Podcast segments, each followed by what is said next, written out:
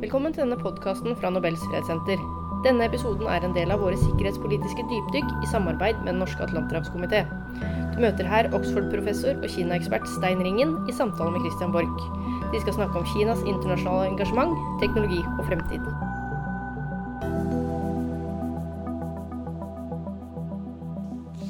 Stein Ringen, jeg ønsker deg velkommen til vår krakk og vårt bord. som vi pleier å gjøre. Eh, ser en, eh, en av spaltistene i New York Times, Thomas Friedman, skrev her for en tid siden at Donald Trump antagelig ikke er den presidenten amerikanerne fortjener, men han er definitivt den amerikanske presidenten som kineserne fortjener. Det er en fiffig spissformulering, men det betyr jo altså at Trump har satt inn et støt som da ifølge hans resonnement det er nødvendig å sette inn nå, før kineserne blir altså så digre og innflytelsesrike si, at det ikke er mulig med noen kompromisser i handelspolitikken. Er du enig i det resonnementet? Ja, det er i hvert fall um, enig i at Kina har møtt en annen spiller med Trump. Og de har møtt motbør. Um, det har de for øvrig gjort på andre måter også, det siste året særlig. Det har vært en del motstøt. I den akademiske verden så er det nå Jeg nevner det fordi jeg kjenner det. Motstand mot Konfusius-instituttene som har sprunget opp i uh, vestlige universiteter. Noen stenges. Uh, nye åpnes nå nesten ikke. Uh, og det er andre ting også. Så de har fått motstøt. Og det takler de dårlig. De har vært vant til um, å um, kunne operere uten særlig motstand. Veldig flinke til å splitte f.eks. Europa. Sette europeiske land mer eller mindre opp mot hverandre. Eh, forholder seg til land enkeltvis så mye de vil, ikke kollektivt.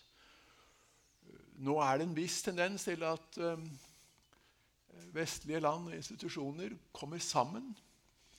Um, en tysk kollega som heter Kai Strittmeier, har sagt at de vestlige land må finne sin stemme overfor Kina. Og det er noe som tyder på at de er i ferd med å gjøre det. Altså Den stemmen som da lyder fra Washington mot Kina her, er jo relativt uh, Ja, man hører den på en måte. Man legger merke til det, fordi formen er ganske satt på spissen, ganske spektakulær. Og spørsmålet er jo om du kan altså foreta en verdig rekonstruksjon av noe hvis du river ned den eksisterende konstruksjonen med kanoner. Ja, altså jeg har Min holdning til dette er at vi i fra Vesten, fra den demokratiske verdens side. Vi skal, vi skal, engasjere oss overfor Kina, være med. Jeg er ikke noen boikottperson. Det, det, er uaktuelt å boikotte. Men, men jeg har også ment at vi skal snakke i klartekst til Kina. Og det gjelder både når det gjelder aggresjon internasjonalt, som det er mye av, det skal vi sikkert komme inn på, mm. og når det gjelder um, våre egne verdier demokrati og frihet. Mm. Og deres eh, angrep på disse verdiene. Vi skal snakke klartekst. Og det er nå noen eh, Til en viss grad så er det slik at det er blitt noe det siste så er det blitt noe snakk i klartekst overfor Kina. Det synes jeg godt om. Jeg tror det er riktig.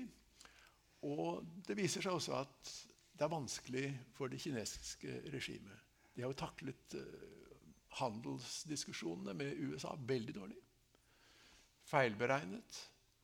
Um, trodde at de kunne liksom bløffe overfor amerikanerne, overfor president Trump. Og det gikk ikke. Men der er jo også bløffen da håp å si, møtt rent konkrete tiltak. Altså Man jo, bruker jo handelskrigens midler her, med voldsomme tollbarrierer og omsetninger og greier. Ja, nå er det jo fra USAs side at det er eh, handelsbarrierer som bygges. Ja.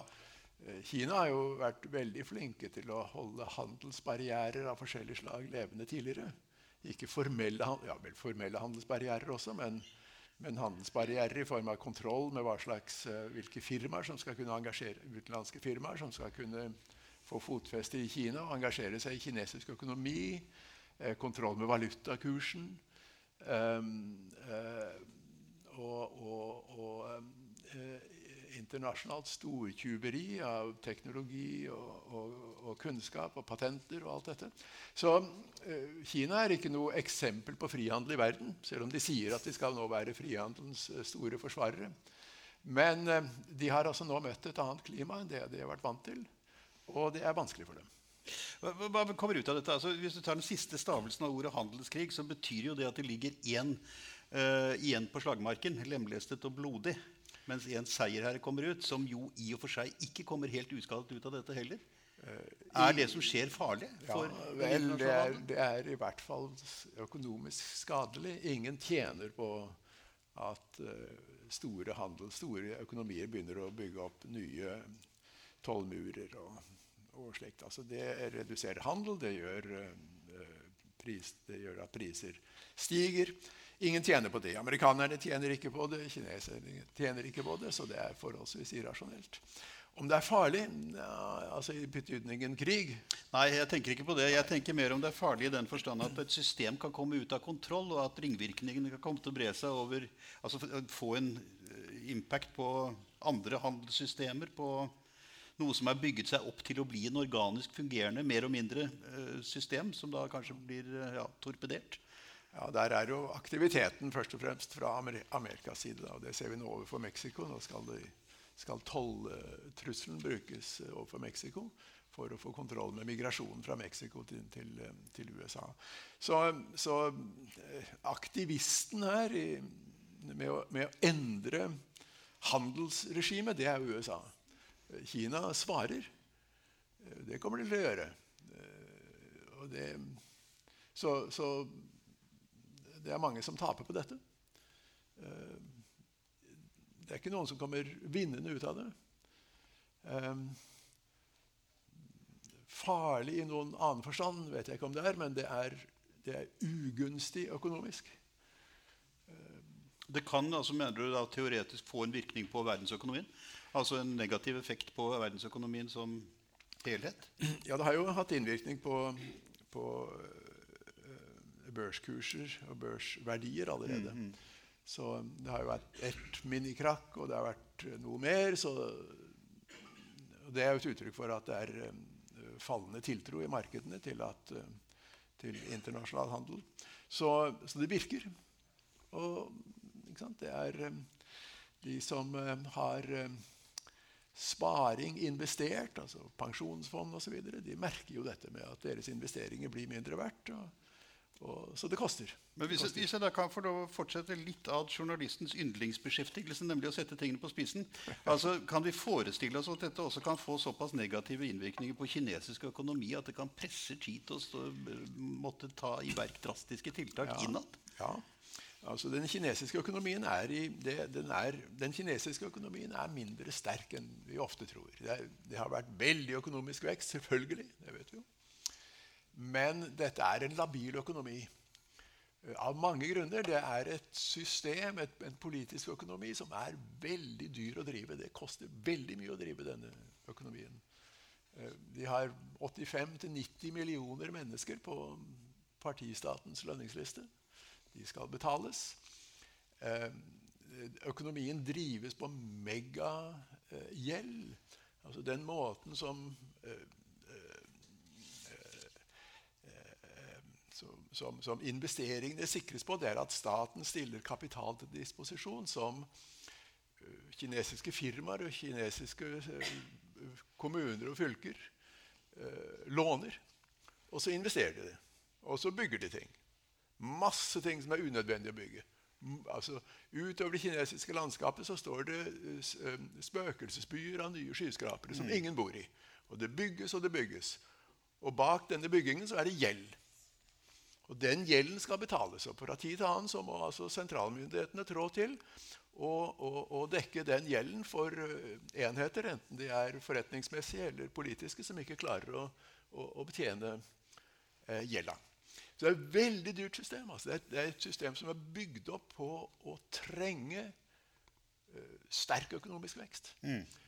Og det som etter min oppfatning dette systemet er mest utsatt for, det er at de ikke lenger har denne økonomiske veksten.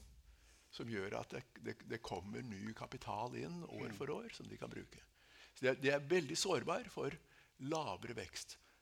Det vi mener med lavere vekst i Kina, er jo en økonomisk vekst som resten av verdens land bare kan drømme om. Eh, Men i Kina så er det en katastrofe. Men det er et system som er fantastisk kostbart. Og det er veldig sårbart for at de ikke skal klare eh, eh, å, å, å, å pøse på, fylle på denne økonomien med, med stadig ny vekst. Eh, Vi bør nevne der også demografien, altså befolkningsstrukturen i Kina. Mm. Folkeveksten i Kina er nå over. Eh, Størrelsen på, på den yrkesaktive befolkningen den er nedadgående. Eh, Veldig aldring, altså det aldringsproblemet som vi har håndtert i Europa og USA, og sånt, og det er ingenting i forhold til det som, som eh, nå kommer eh, som et tog som kommer knusende ned eh, i, i, i, inn i det kinesiske samfunnet. Så det er, og det, disse, alle disse eldre menneskene Ja, Gud bedre. for, Disse forferdelige eldre menneskene, dette problemet, det koster. altså. Det koster. De skal ha helsepleie av mer eller mindre. De skal ha pensjoner, de skal ha det ene og det andre. Så har de lav pensjon, de, de klarer jo ikke å heve pensjonsalderen. 60 års pensjonsalder, 55 år for kvinner. Det er jo helt meningsløst. Men det Dette er jo et sydeuropeisk problem òg, da. Ja da, det er, og, og det er et sørkoreansk problem, og det er et japansk problem. Men det er et kjempeproblem for Kina fordi at det går så fort. Altså. Også I et totalitært regime har det seg jo slik at det er folk, menneskene, de enkelte person, som jo lider når det blir gærent. gjør det ikke det? Så dette kan jo reverseres igjen. Vel, ja, det, ja altså, eh, Demografien kan det ikke reversere. Nei, det kan det ikke. De kan gjøre mye, men demografien kan det ikke reversere.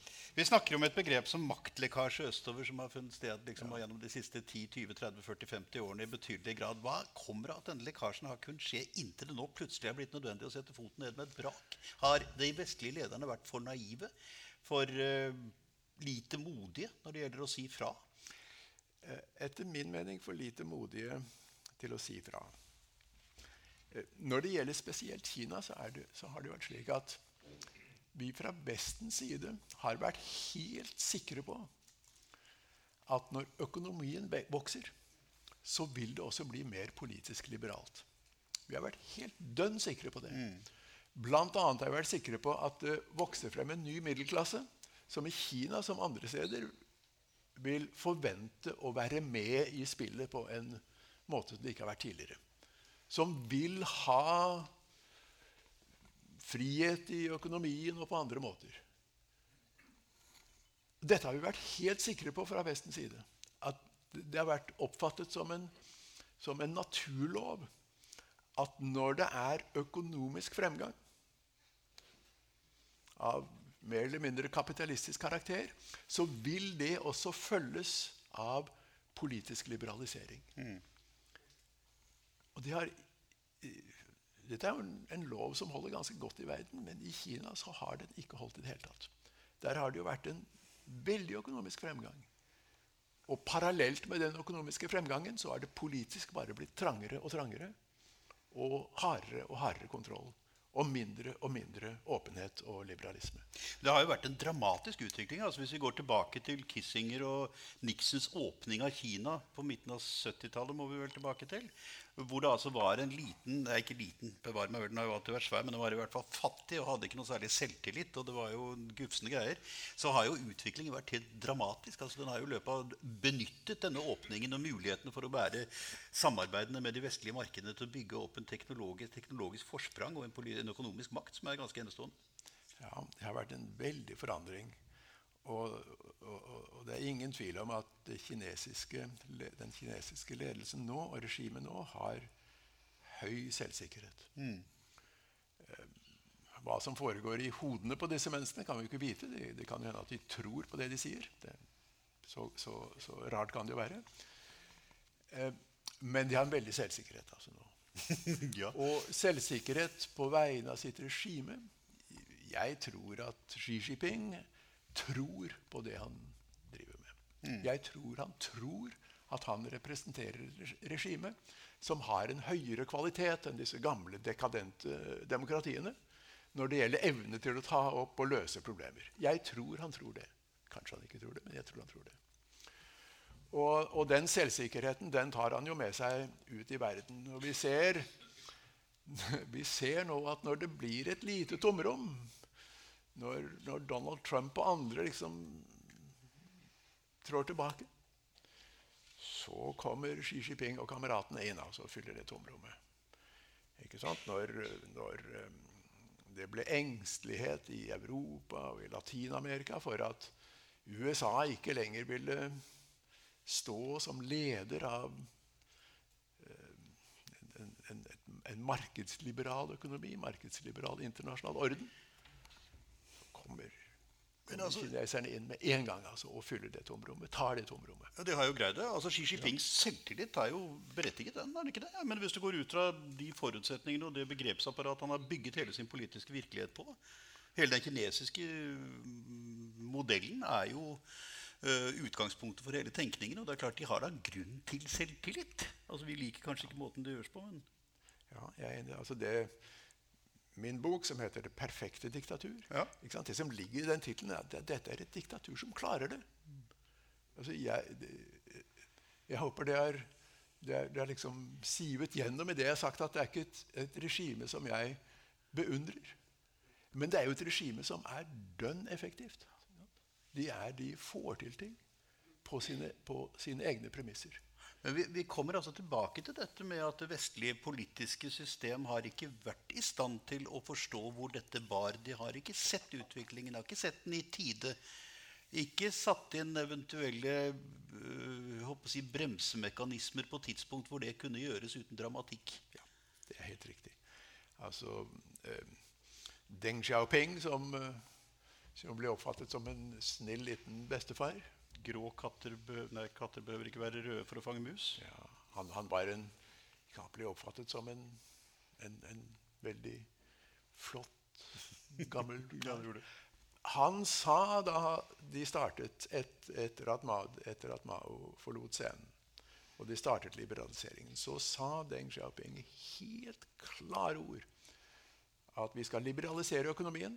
Vi skal ikke liberalisere politikken. Det var dundrende klart fra hans side. Mm. Men det ble ikke oppfattet. Det ble ikke trodd. Mm.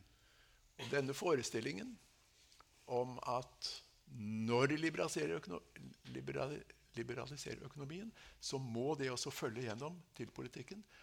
Den ble vi fra vest, der, der satt vi fra Vestens side, fanget i den forestillingen. Det var feil fra begynnelsen av. Og Det eneste som vi hadde trengt å gjøre, det var å høre på Deng Xiaoping og ta det på alvor, det han sa. For det han sa, det er jo akkurat det som har skjedd.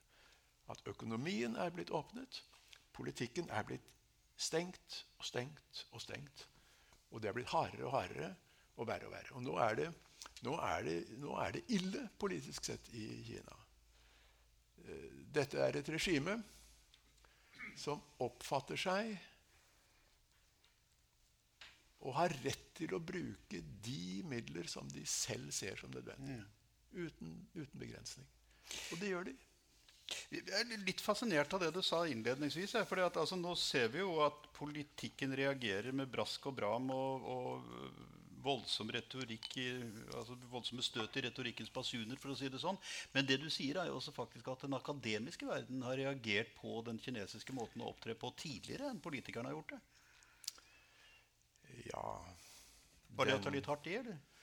Ja, Den akademiske verden det er jo ikke enighet der. Ikke det, er jo en, det er også en sammensatt verden. Ja, Men dere har altså reagert med å stoppe en del programmer eller samarbeidsprosjekter? Det, det, altså det som, det, det, som det har vært reagert på, det er, det er Konfusius-instituttene. Konfusius-instituttene det er kinesiske institusjoner som opererer i vestlige land med å undervise i kinesisk språk og kultur og, og, slike ting.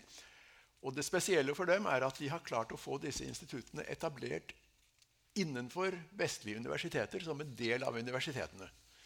Altså British Council for eksempel, jo, de opererer på samme måte, men som egne institusjoner. Og det franske og det tyske og alt.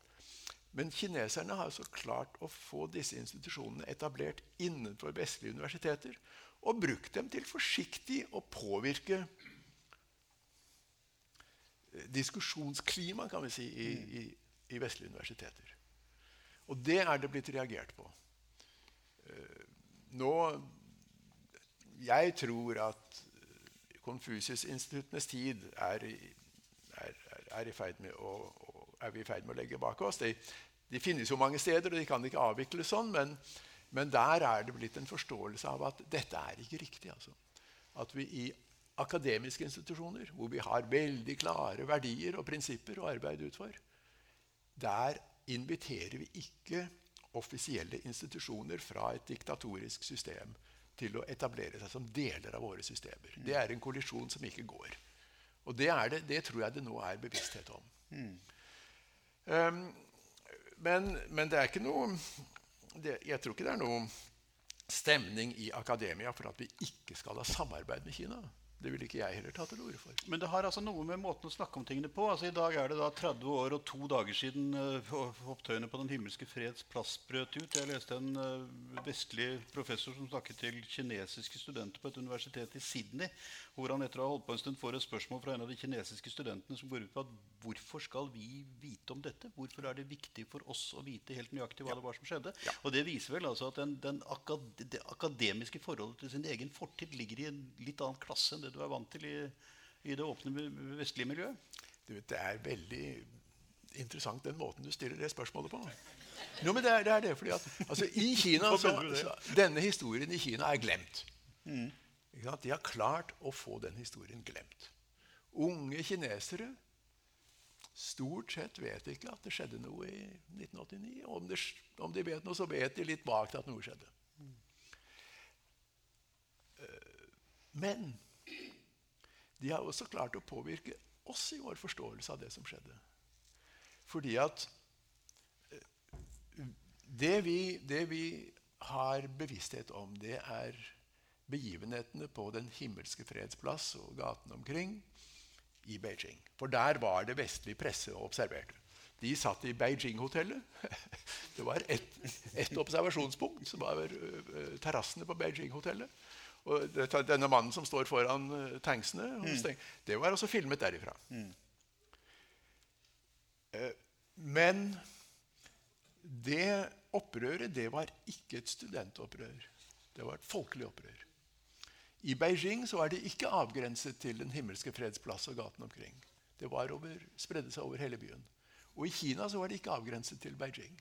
Det var opprør i vi vet ikke hvor mange byer. Noen sier 80, noen sier 400. Og de ble slått ned. Lander. Og vi også glemmer hva, eller vet ikke riktig hva som skjedde. Vi snakker om det som studentopprøret på Den himmelske freds plass.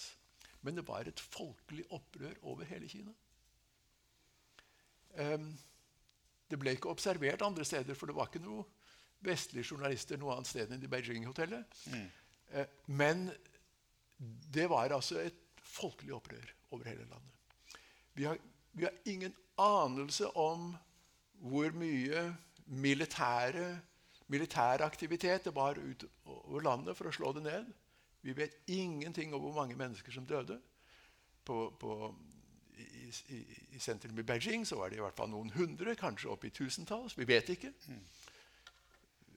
Mange av de som døde, er bare forsvunnet. Deres foreldre eller deres familier vet ikke hva som skjedde med dem. De vet deres, deres eh, eh, De fikk ikke eh, vite hvor de var blitt av. De har ikke fått begravd sine sønner døtre. Det er glemt. Men vi er også blitt ofre for den glemselen. Altså. Mm. At vi også oppfatter dette som et studentopprør i sentrum av Beijing, mens det i virkeligheten var et folkelig opprør over hele landet. Mm. Det ble slått ned da, og det har jo ikke på en måte dukket opp igjen i noen særlig form. Men har det nåværende regimets politikk fått en skarpere tone i retning av å bortforklare dette? Altså, man jo, sitter jo igjen med et slags inntrykk av at sosial stabilitet per se er viktigere for Xi og hans nåværende regime enn noe annet, inklusiv den kritikken som kommer uh, mot metodene for å, for å, slå det ned. Altså, det har jo utartet seg til en ren politistat i forhold til minoritetsgrupper. Blant dette her, og det, det er blitt strengere, er det ikke det? Altså Skarpere, tøffere i kantene? Det er blitt eh, hardere i kantene. Det, det, det, er vanskelig å beskrive og vanskelig å fortolke. fordi at um, når jeg snakker om Kina, som jeg gjør mye på universiteter, så er det alltid noen kinesiske studenter i forsamlingen. Alltid. Og det er alltid noen kinesiske av de som står opp og sier at ja, men mine foreldre sier at de aldri har hatt det bedre enn de har det nå. Mm. Det er riktig, det. at De har aldri hatt det bedre enn de har det. Um, og, og um, Så skal vi si, den vanlige kineser i sin vanlige hverdag er ikke berørt av politisk undertrykkelse. Men der hvor hverdagen ikke er vanlig, der er det politisk undertrykkelse. Der hvor det er nødvendig. Men de er Igjen det perfekte diktatur. De er dyktige altså som diktatorer. Vi har aldri sett så dyktige diktatorer som de kinesiske. Aldri sett noen som er så dyktige i sensur, i propaganda, i Nå er det jo patriotisk utdannelse som er slagordet. altså uh, Linjen for, for, skolering. Patriotisk utdannelse. Som er flinke med, med nasjonalisme. Flinke til å holde kontroll med å skrive historien. Veldig vekt på hundre 100 år av fornedrelse frem til revolusjonen. Kina reiste seg igjen. Og som er veldig flinke til å holde kontroll med fortellingen. Og å holde den fortellingen som ikke skal fortelles, ute. Mm. Og de gjør det veldig godt, altså. De er, de er, de er altså som kontrolldiktatorer så er de bedre enn noen vi har sett tidligere. Altså, du nevnte innledningsvis at du mener det ville være riktigere av vestlige ledere å bruke klar tale overfor lederne i Beijing, altså også for å ivareta verdier som den vestlige verden, den demokratiske, menneskerettsbaserte øh, filosofien og tankegangen bygger på. Men er det da et problem at du vil få en uh, mer barskere, mer avvisende form for respons på dette med det sittende regimet? Altså at det har skjerpet seg og blitt verre i den forstand? Slik at virkningen av dette her faktisk kan bli ja, mer problematisk? Nei, jeg tror ikke det. Altså, det, det, er jo, det, er jo, så hardt som det kan bli, i dette regimet. Mm. Um, det er eh, Og det er jo, det er jo Kina er jo en ordentlig stormakt, og som andre stormakter så er den ute etter dominans. Mm. Um, det er ikke gudgitt at den vestlige verden skal være verdens ledende kraft. Men det betyr jo noe hva slags alternativ ledende kraft det er som kommer til. Mm. Men Hva vil dette si? Altså, hvis vi Nå tenker rent pragmatisk, altså, nå har vi jo kommet i en situasjon hvor man setter foten ned handelspolitisk for det som oppfattes i Vesten som et misbruk av den tillit som på en måte er gitt kineserne i hele denne perioden fra Nixon og oppover. og sånt. Altså, Hva slags respons kan du da vente fra Beijing hvis de sitter og tviholder på det selvbildet som, som det der? Altså, de, det jo, tyder jo ikke på at de vil bli imøtekommende med det første. Eh, altså i, i, handelskrigen så får man handelsrestriksjoner som motreaksjon. Mm. Toller i USA, toller i Kina. Mm. Blir redusert handel. Alle taper. Um, men det er jo andre, andre arenaer. Um, Kina har annektert Sør-Kina-havet. Det er en ren, ren uh, territoriell anneksjon. Mm stort sett gått upåtalt igjen. Ja, rent bortsett fra at du jo har hatt en del pussige trefninger om øyer som delvis har eksistert og delvis er konstruert. holdt jeg på å si, Og du er jo også en sånn uh, territorial pissing på buskene, for å, for å, si det sånn, som har gått relativt dramatisk i perioder. Og den kan vel uh, romme et uh, potensial for konflikter? Altså for ja, konflikter. Men Kina har nå tatt eiendom over Sør-Kina-havet. Og med de bygde opp de øyene som de nevner. Mm. Lagd nye øyer. De sa da, ikke sant, når de begynte med denne øyutviklingen Vel, dette er for økonomiske formål. Vi skal mm. drive litt uh, maritim teknologi og sånt. Mm. Slett ikke. Nå er det militære baser. Mm. Beskyttet av territorialgrenser og en del andre kunstige ja. Det de beskriver som territorialgrenser. De har, jo, de har jo en dom mot seg i den internasjonale tribunal, tribunalet for, eh, for sjøretten. Mm. De bryr seg ikke om det i det hele tatt. Det, det, har de klart. Mm. De har um, I Sri Lanka så har de etablert en koloni. Mm. De lånte, en de lånte en masse penger til Sri Lanka for å bygge et stort havneanlegg. Sri Lanka klarte ikke å betale tilbake. Og så mm. sa de ok, da tar vi hele havneanlegget mm. og området omkring. Og det, det tar vi i, som vår besittelse for de neste 99 år. Mm. Det var en Hongkong som ble etablert i Sri Lanka. Um, og det er flere nå. Kenya er i fare med å miste uh, sin nye store havn i, i, i Mombasa. Samme premisser. De er i, i fare kanskje for å miste kontrollen over uh, en eh, transportterminal i Nairobi, som forbinder denne havnen med, med, med, hovedstaden. Fordi det ble bygd en jernbane med kinesiske lån mm. som ikke betaler seg. Så de klarer ikke å betale tilbake det, den, den gjelda. Og da sier Kina at ok, så i stedet for at dere betaler tilbake gjelda, så, så tar vi eiendommen. Altså, det er jo veldig nærliggende å hoppe nordover fra det, fra det resonnementet der. Ja. Altså, de er jo relativt aktive i Nordøstpassasjen, kineserne. Det subber jo relativt tett inn på norske fjæresteiner, for å si det forsiktig. Veldig. Altså, dette er... Ser vi for oss at de kan komme til å kjøpe havna i Narvik? ja, dette er, nei, men hør, dette er en stor sak. Det som skjer, er altså at Nordøstpassasjen åpnes pga. global varming. Så kan man kjøre sjøtransport fra øh, Stillehavet til Atlanteren mm. nord om Sibir. Det reduserer transporttiden fra Stillehavet til Atlanteren med 40% det er mm. big, Dette er big business. Um, og det foreligger planer om å bygge en megahavn i Kirkenes med jernbaneforbindelser gjennom Sverige til Vest-Europa, gjennom Finland til Øst-Europa. Mm. Dette, dette, foreligger under under benevnelsen 'Den arktiske korridor'. Dere kan slå opp på, på, google det og slå opp på Internett, og så finner dere 'Den arktiske korridor'. Og i Nord-Norge, Nord-Finland, Nord-Sverige, så er det, der er folk eh, det, det, er, penger, ikke sant? Mm. Og de, er, de, er, de, ser for seg en veldig utvikling. Veldig utvikling. Eh, Kina er engasjert der. De, de, de ville finansiere um, en storhavn i Sør-Sverige utenfor Göteborg. Mm -hmm. Det ser ikke ut til at det blir noe av.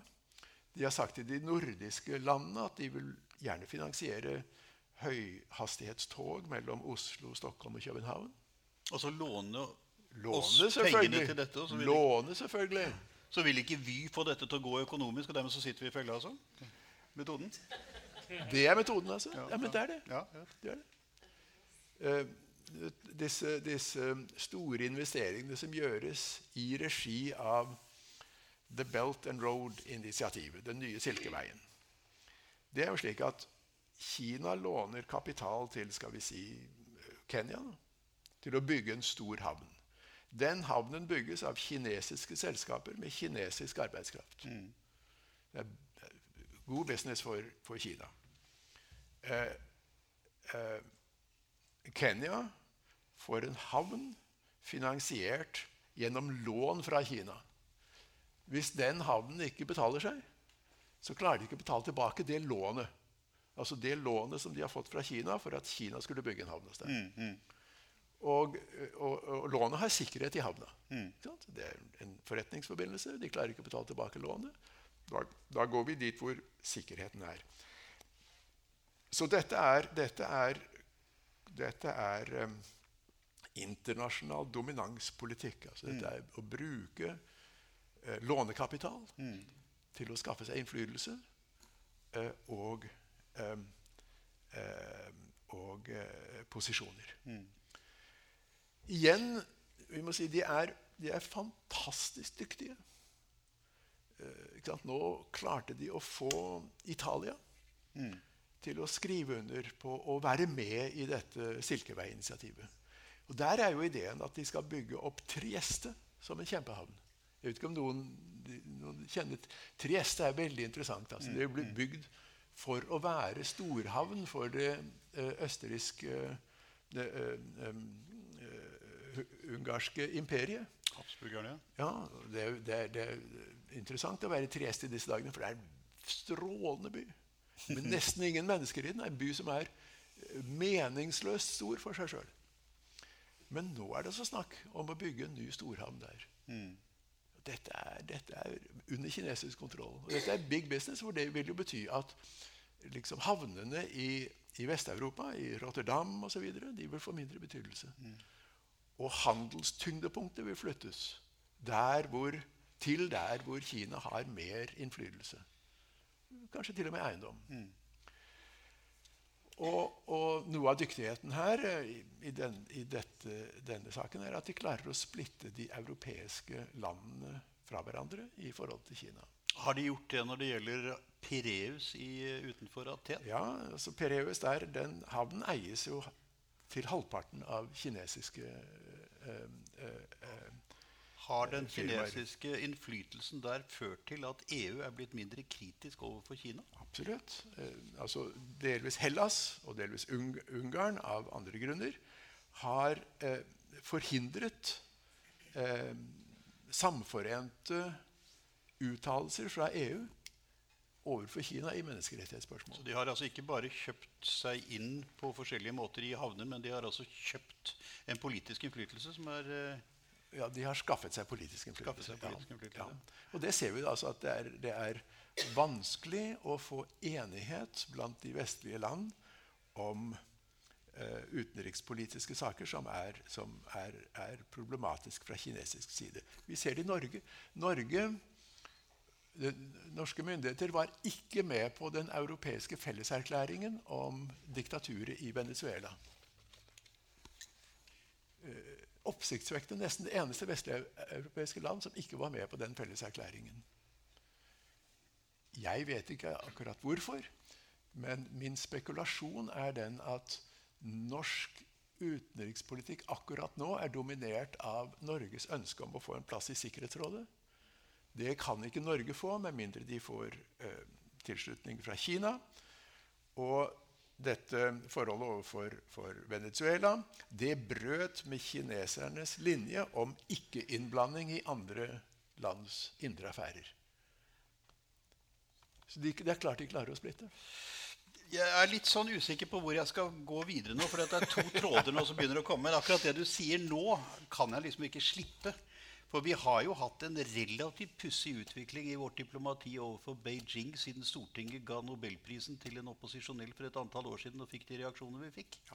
Altså Dette var et forsiktig ledende spørsmål. Ja. Burde vi opptrådt annerledes?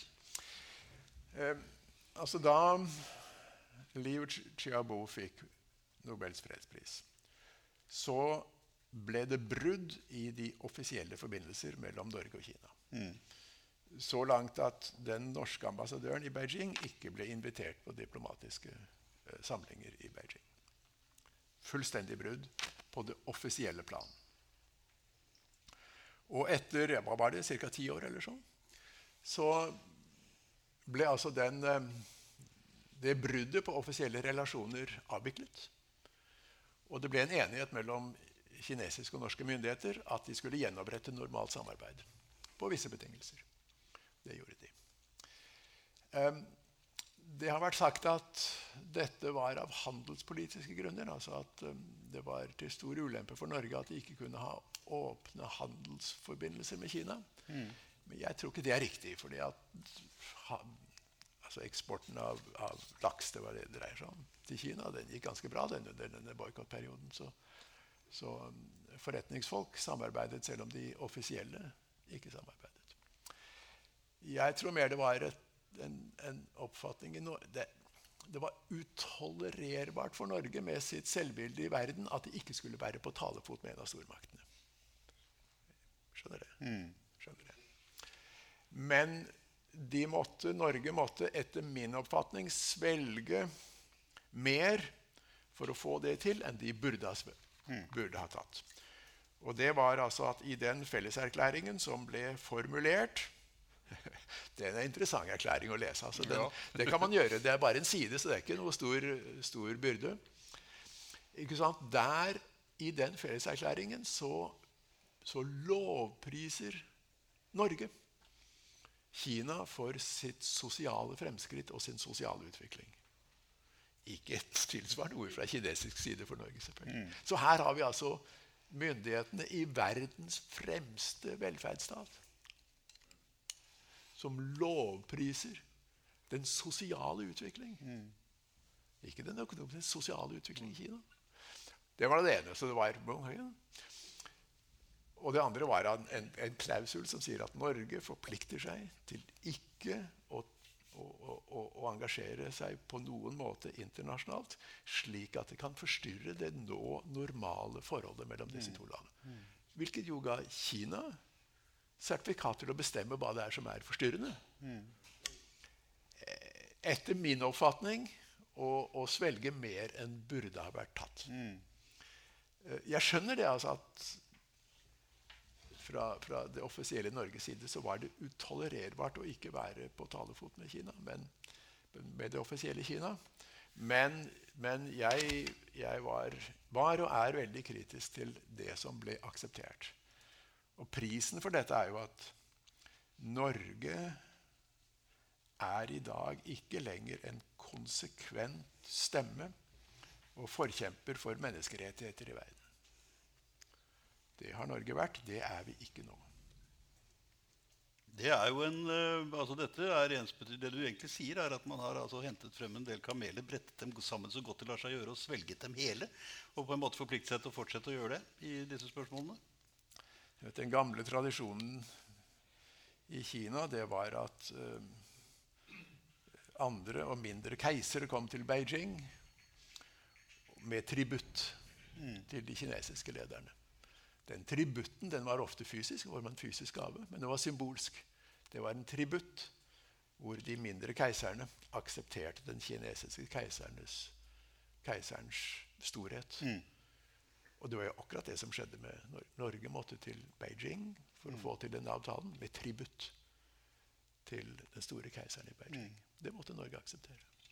Det er jo altså da det bilaterale forholdet mellom Norge og Kina. Men du ser vel omtrent spor av den samme formen for aktiv innflytelse i en rekke av det vi diskuterte før vi kom inn på Norge her. Altså, ikke sant, Denne, denne Venezuela-erklæringen er jo kanskje et godt eksempel på det. Men det ligger jo også et politisk pressmiddel i at man hele tiden øker den økonomiske avhengigheten gjennom dette BRI-prosjektet og gjeldsforpliktelsen og alt dette her. Altså, så vidt jeg vet, så har kineserne mer eller mindre kjøpt Grønland med hud og hår ja, jeg er jo veldig kritisk til det kinesiske regimet, men det var kanskje å gå litt langt. Ja, men, men, men, de er veldig aktive i, i Grønland. Altså, kinesisk, diplomatisk, ja. offensiv overfor Grønland, den er sterk. Mm. I, på Island også. Island de har en megaambassade i Beijing. Nei, i, i, i Reykjavik. Ja. Svære greier. Men i Grønland der er, de, der er de involvert i gruvedrift Eh, det var et, et, et, forsøk på å få kjøpt en, fly, en nedlagt flyplass. Ja. De grønlandske myndigheter var helt kine på det, men der fikk de danske, den danske regjeringen stoppet det. Mm. Grønland er jo fremdeles ikke helt uavhengig. Mm. Så i utenrikspolitiske saker så er de under København. Mm. Og der fikk, det, fikk, København stoppet det. Mm. Men de er med altså, på gruvedrift. Uh, i, i, i Grønland, inkludert gruvedrift etter, etter rare earth materials, mm. altså disse veldig viktige uh,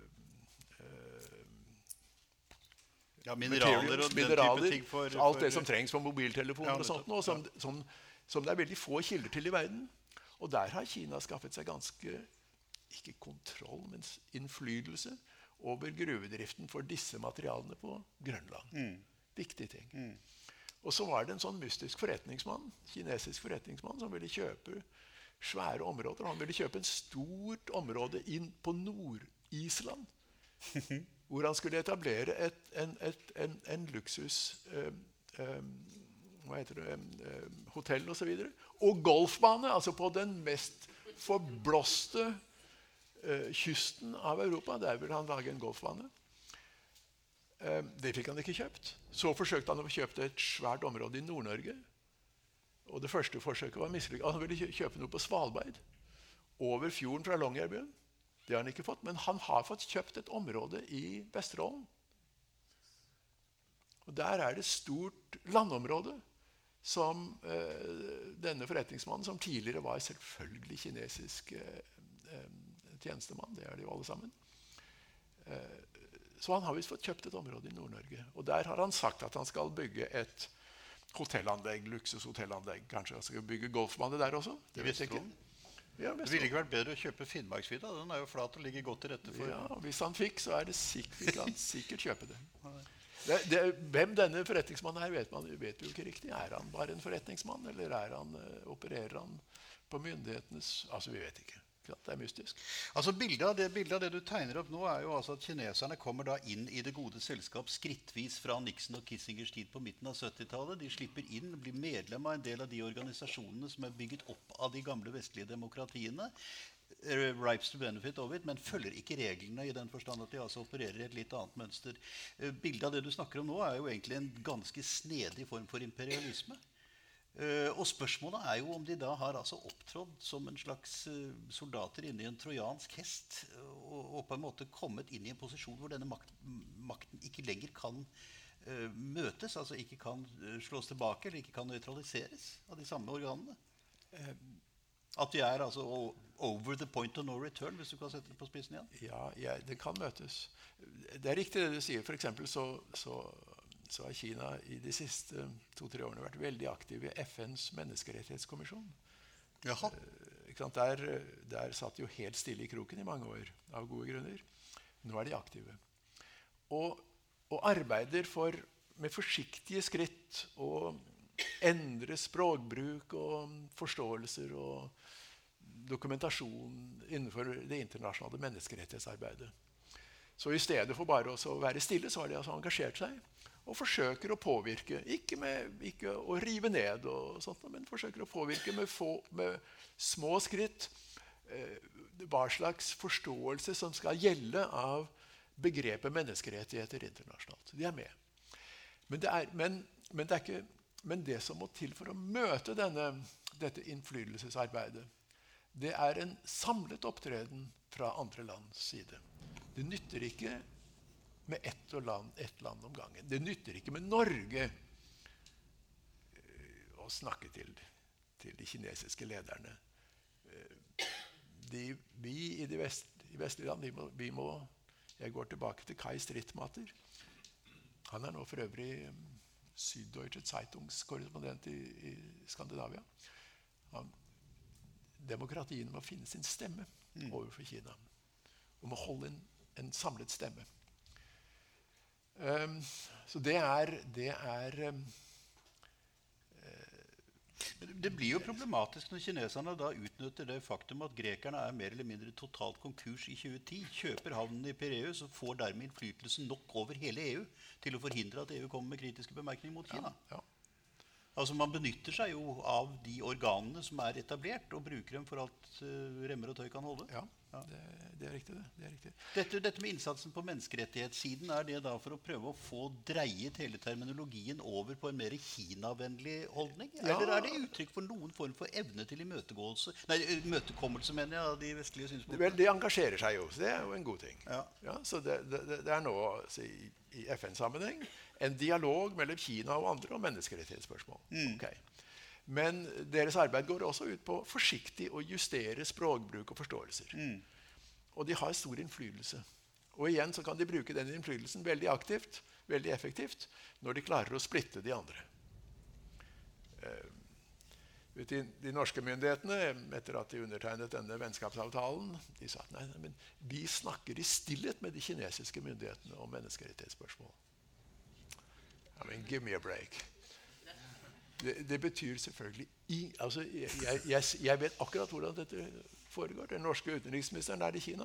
Snakker i stillhet med tredje viseutenriksminister så og så eh, om menneskerettighetsspørsmål. Tredje viseutenriksminister sier ja, ja, takk, takk, for, takk for Det er veldig interessant. Vi har lyttet. Vi har notert oss det dere sier. Takk skal dere ha. Slutt. ikke noe mer. Og så kommer utenriksministeren ut og sier til norsk presse at Vi vil ikke ha noe innblanding i andre lands indre forhold. Bortsett fra vår egen innblanding i andre lands indre forhold.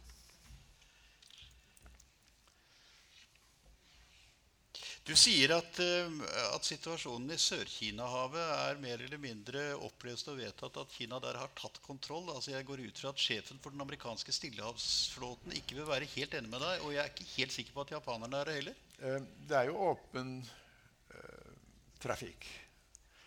Og vestlige land sender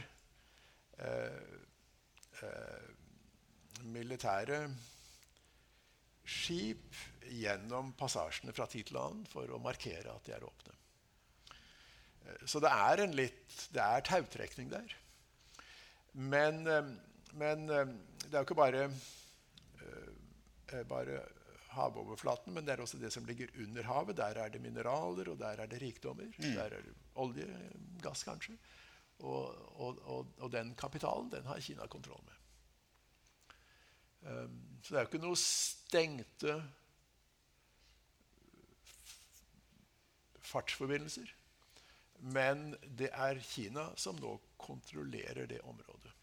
Er det riktig å si at Kina ikke vil se en forskjell på det militære, det næringspolitiske og det øh, alminnelig politiske? Altså at dette går inn i en symbiotisk tankegang hvor det ene liksom henger sammen med det andre, og at øh, det militære på en måte blir en forlengelse av handelspolitikken og vice versa?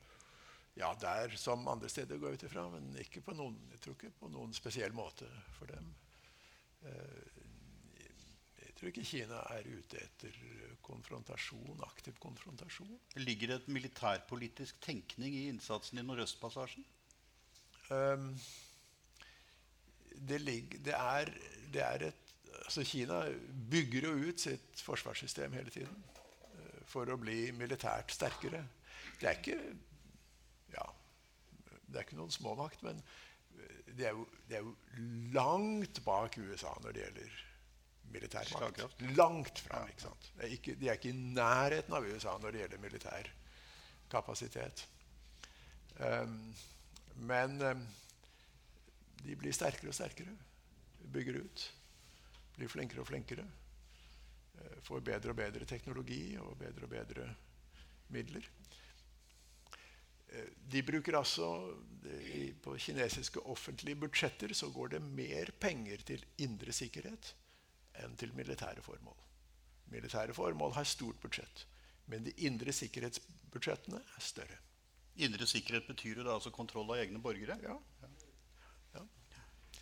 Så det, det, investeres mer penger altså i intern sikkerhet enn i, i, i militære midler for eksterne formål. Altså Det inntrykket vi har av Kinas allianser med andre land nå, tyder jo på at landet mer eller mindre er i en slags psykologisk konfrontasjonstilstand hele tiden og øker sin makt ved å, å gripe innflytelse der man kan få det. Men hva med, hva med f.eks. disse Stan-republikkene i den gamle sovjetiske interessesfæren? Ja. Det er jo altså Silkeveien ikke sant? Det er et begrep som nevnes i forbindelse med dette BRI-initiativet. Ja. Um, det er, det er noe veldig interessant der. Altså, fordi at de kjøper seg jo innflytelse. Mm. Men én svakhet for Kina det er at de har ikke genuine venner i verden. Altså USA vi kan si hva vi vil, men USA har genuine venner i verden. I den forstand at USA har vært den ledende kraft til forsvar av verdier som vi står samlet omkring. Vi er genuint på samme bane. Kina har ikke genuine venner. De har venner i den forstand at det er land som gjerne vil ha deres investeringer, og som tilpasser seg. De har venner i den forstand at de har land, det er land som er blitt veldig avhengig av Kina pga. investeringer og andre ting. Så de, de, har venner i den forstand, men dette er ikke genuine venner.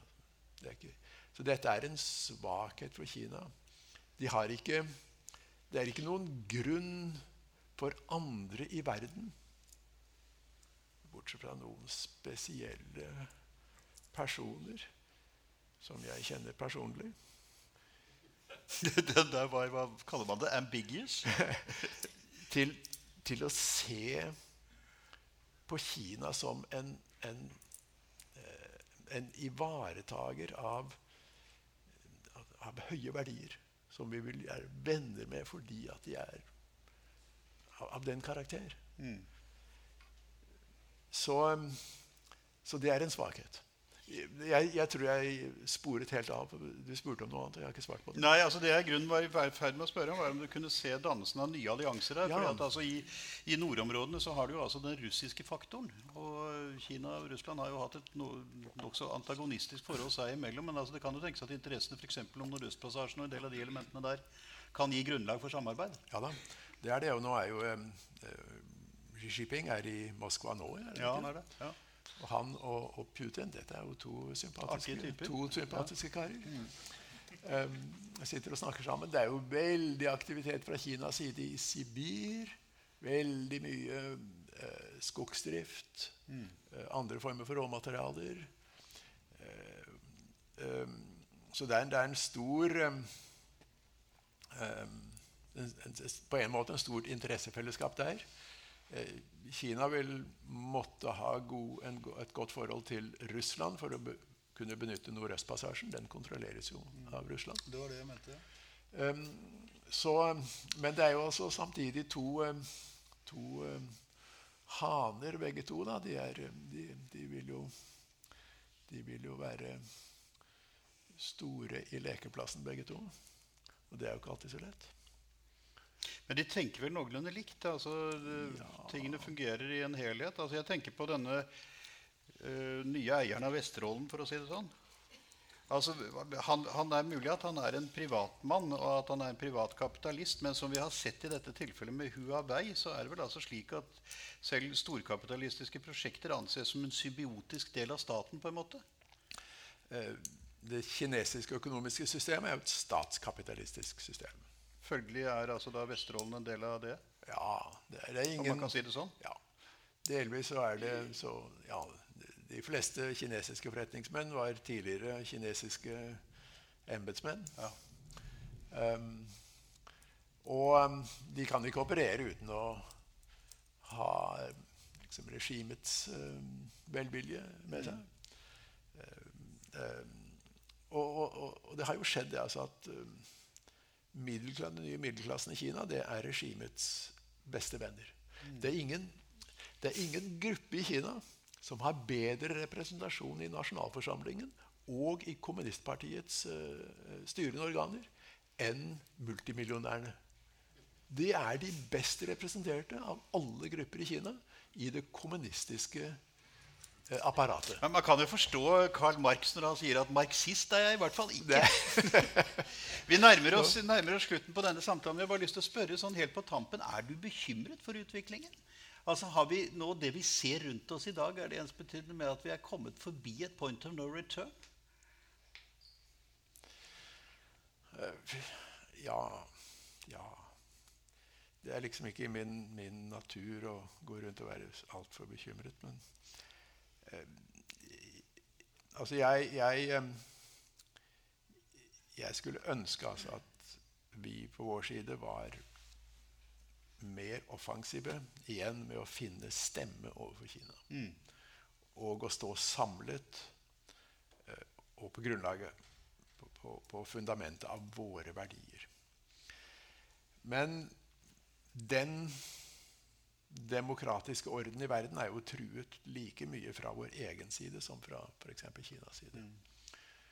Eh, og uh, de demokratiske, den demokratiske styreformen er jo blitt sterkt svekket i vår egen del av verden etter det store krakket i 2007-2008. Og reaksjonene på det krakket. Så vi er i en veldig Vi er ikke i noen, noen særlig god stilling når det gjelder demokratiets styringsevne og folks oppslutning og tiltro til demokratisk styre selv.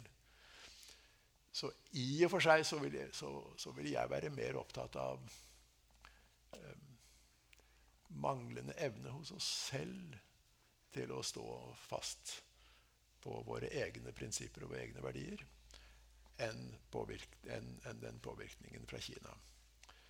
Um, det går jo sammen litt. Er det Russland er litt annerledes der. Altså. Russland jo en, har jo etablert, etablert, seg som en ødelegger i verden. Men det har jo ikke Kina gjort. Altså. De vil bygge opp en, en litt alternativ verdensordning. Men de, men, men, men, de, spiller på en måte OK. Det er en stormakt. De vil ha mer dominans. OK. Er jo, sånn er det jo. Mm. Russland er noe helt annet. De vil jo bare ødelegge. De. De en, altså, Russlands opptreden i verden er jo helt uforståelig. Men, men, det er en annen, det får vi ta neste gang. Det får vi ta neste gang. Men, men, men vi trenger å Når det gjelder Når du sier 'er jeg bekymret', ja. sant, så sier jeg men du, du er, vi, altså, du sier at du vi, skal se, vi skal se til oss selv. Det er ikke din natur å være for bekymret, men i det ligger jo antitetisk tolkning at du er i hvert fall litt bekymret. Vi får litt grunn til å sette vår lit til at Norge gjør vei i vellinga og får Vesten til å stille med stemme når du blir medlem ja. av Sikkerhetsrådet. Da. Akkurat. Det, er, det gleder vi oss til. Hjertelig takk skal du ha. Takk skal du ha.